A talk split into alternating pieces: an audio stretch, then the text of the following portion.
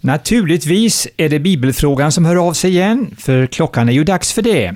Och då ska du vara så välkommen till programmet som kommer ifrån Radio Adventkyrkan och som handlar om Bibeln, religionen, existentiella frågor, vardagsfrågor också, samlevnadsfrågor, så mycket, så mycket som Bibeln kan ge svar på.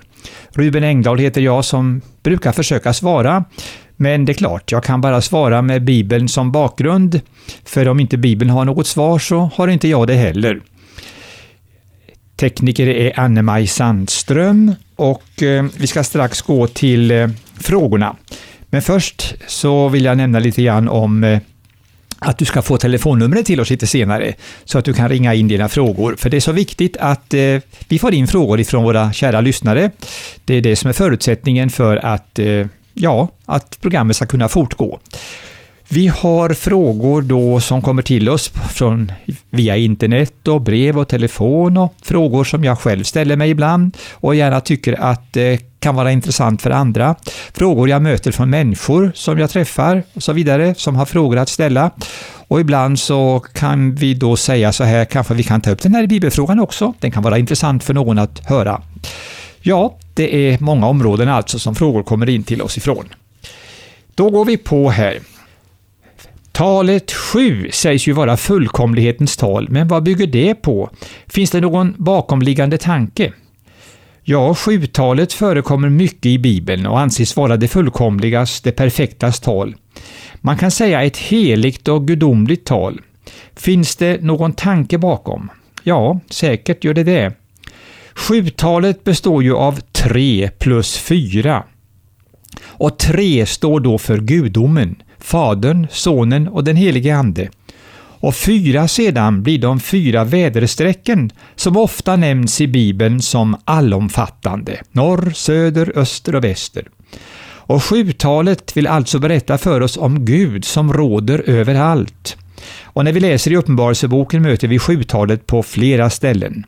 De sju församlingarna, de sju inseglen eller sigillen, de sju basunerna, de sju plågorna, de sju tordönen och inte minst den sjufaldiga lovprisningen av Gud och Lammet, Kristus. Ja, det är bara en del av allt som omnämns i samband med sjutalet i Bibeln. Vi kanske ska lämna den frågan där och gå till en ny. Vad kan Jesus mena med det han säger i Markus 4.25? Det låter ju både grymt och orättvist. Ja, i och för sig kanske det gör det, men om vi ser närmare på Jesu ord så finns det en så enkel och naturlig förklaring. Men först då versen som går så här. Ty den som har, han ska få, men den som inte har, från honom ska tas också det han har. Ja, det tycks vara den ständiga kampen mellan den som har mycket här i världen och den som har lite som det här speglar. Den ene får allt mer och från den andra tycks botten ha gått ur och det blir bara förluster. Vad menar Jesus egentligen? Jo, Jesus menar inget illa alls och vill inte missgynna någon. Det här är något av en andlig multiplikationstabell som Jesus hänvisar till. Detta att den som har och använder det han har får mer. Det är något av lagarna i Guds rike som Jesus här syftar på. Det där att kunskap ökar kunskap. Och om man använder det man fått som en gåva från Gud av insikt och förståelse, så leder det till ännu större insikt. Och motsatt då, om man underlåter att använda och bruka det man fått, så leder det till att man förlorar det. Det är helt enkelt en andlig naturlag som Jesus vill visa på och ingenting annat. Ja, då har vi fått klarhet i det då. En ny fråga. Det står ju att Elia skulle komma. Nu fick ju lärjungarna och Jesus se Elia på förklaringsberget. Var det det som menades med att Elia skulle komma? Ja, det kan ju synas bestickande det där att, att eh, det skulle syfta på det. Eh, Elia skulle ju visa sig på förklar visade sig på förklaringsberget. Men faktiskt den här profetian att Elia skulle komma handlar inte om förklaringsberget. Jesus klargör själv vad som menas att Elia skulle komma och också vem som Jesus kallade för Elia, nämligen Johannes döparen. Just han var ju förelöparen innan Jesus framträdde och Jesus säger så här, sannerligen ingen av kvinna född har trätt fram som är större än Johannes döparen. Och om ni vill tro det, han är den Elia som skulle komma. Ja, det är flera bibeltexter här som ni som lyssnar kanske skulle vilja ha då. Och profetian om eh, Elia som skulle komma, den hittar vi i Bibelns, ja, Gamla Testamentets sista bok, Malaki 4 och 5. Så jag ska sända tre profeten Elia förrän Herrens stora och fruktansvärda dag kommer. Och sen har vi då ängens ord till, eh, till eh, i Lukas första kapitel, vers 16 och 17. Han ska gå före honom i Elias ande och kraft och att det alltså syftar på Johannes döparen. Så det var inte Elia i person som skulle komma, men det var en som har Elia ande och kraft och uppdrag och ett budskap i likhet med Elia. Det hade Johannes döparen. Och Jesus säger det alltså i Matteus 11, vers 11 och vers 14. Ja, då har vi fått reda på en hel del när det gäller just eh, den här frågan. Så ska vi ta en kanske lite mera humoristisk fråga. Det här uttrycket ”döden i grytan” hör man inte nu för tiden. Kommer det också från Bibeln och var i så fall? Jo då, det kommer också det från Bibeln. Tänk så många uttryck som egentligen kommer från Bibeln. Döden i grytan. Eh, det berättas i Andra Kungaboken 4, 38 till och med 41. Det var så att profeten Elisa var verksam i Israel, inte Elia nu alltså, utan hans efterträdare Elia, Elisa. En skara lärjungar till Elisa var samlade. Eh, de kallades för profetlärjungar. Nu var det ont om mat i, i landet och profeten Elisa sa till sin tjänare att sätta på en stor gryta och koka soppa åt alla profetlärjungarna. Men en man gick ut och hittade ute på marken något som påminde om gurkor. Och han plockade där utan att ha en aning om vad det var han plockade egentligen och han skivade ner det där i soppan. När sedan soppan serverades gav de första som smakade till ett rop. Döden är i grytan, du gudsman, ropade de. Det smakade tydligen som gift. Men profeten fick fatt på lite mjöl, berättas det, och kastade det i grytan. Och genast blev soppan god och ätlig. Det var förstås ett underverk det här. Och det är från den här händelsen som talesättet ”döden i grytan” kommer. Och det kan man då säga om något som smakar förskräckligt, som om det vore giftigt, även om det ser hur läckert ut som helst. Vi tar nästa fråga. Stämmer det att Barabbas kan betyda Faderns son? Ja, det är riktigt. Barabbas som frigavs när Jesus blev korsfäst, det namnet betyder Faderns son. Bar är son på hebreiska och Abba är fader. Det här med Bar, son, det förekommer i många namn som Bartolomeus, Bartimeus, Barsabas, Bar Kochba och många fler namn. Det är väl närmast arameiska det här med Abba som far då. Först Bar och sen Abba. Bar är son och Abba är far. Ja, det är ett ömsint och familjärt namn för fader, det här med Abba, mera som pappa.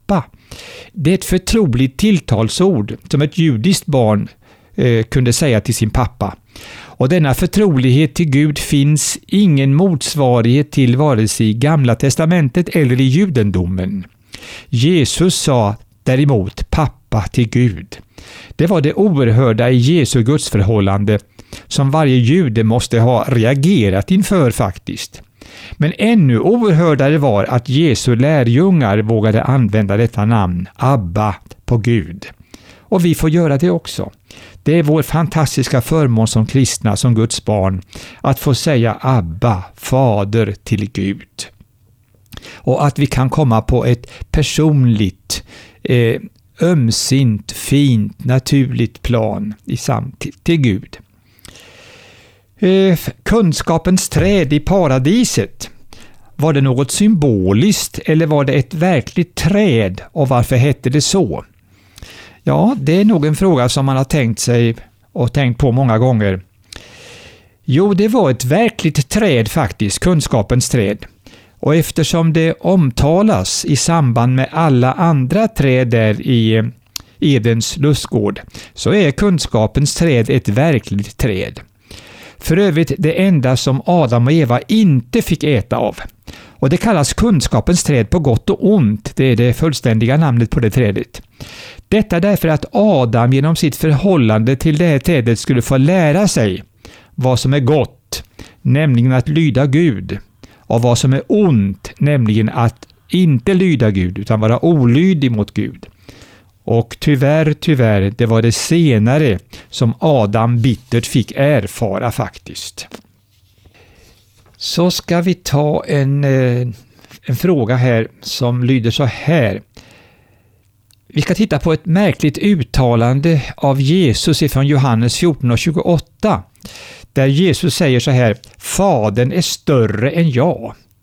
På vilket sätt är Gud fader större än sonen Jesus? Ja, det är en intressant fråga det här. Fadern är större än jag. På vilket sätt är Fadern större? För, för det första vill jag då framhålla, absolut inte när det gäller naturen. Där är de lika, Fadern och Sonen. De är båda av gudomlig natur. För att ta ett exempel, jag och min son är av samma natur.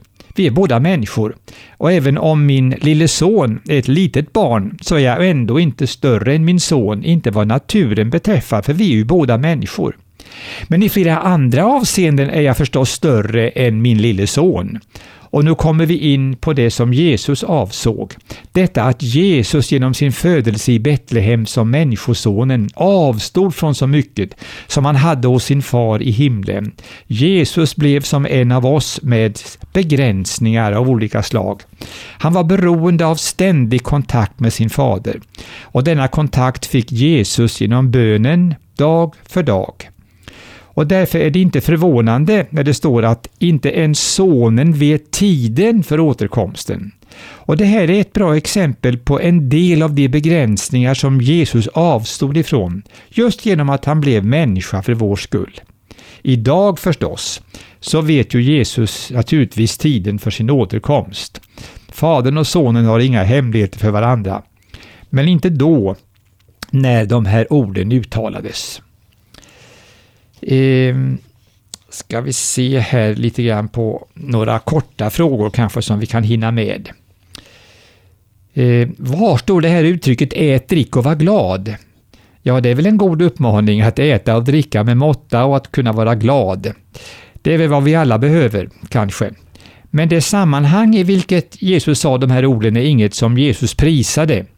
Det var i liknelsen om den här rike bonden som ville bygga större lador och samla in för att kunna leva ett själviskt och överdådigt liv med stora materiella tillgångar. Och så här sa den rike mannen till sig själv. Sedan vill jag säga till min själ, kära själ, du har mycket gott förvarat för många år. Ge dig nu ro, ät, drick och var glad. Ja, Eh, vi hinner kanske inte mer det nu. Jag hade en intressant fråga till. Den tar vi nästa gång. Så har vi alltid något att, vänta på. Och då får du telefonnumret till oss. Det är 711 11 99. 711 11 99. Vi kan ju inte alltid ha folk vid telefonerna, så låt det därför bara ringa, så kopplas ett band på och då kan du tala in just din fråga till oss. 711 11 99. Och därmed säger vi tack för oss ifrån Bibelfrågan Radio Adventkyrkan. Jag heter Ruben Engdahl.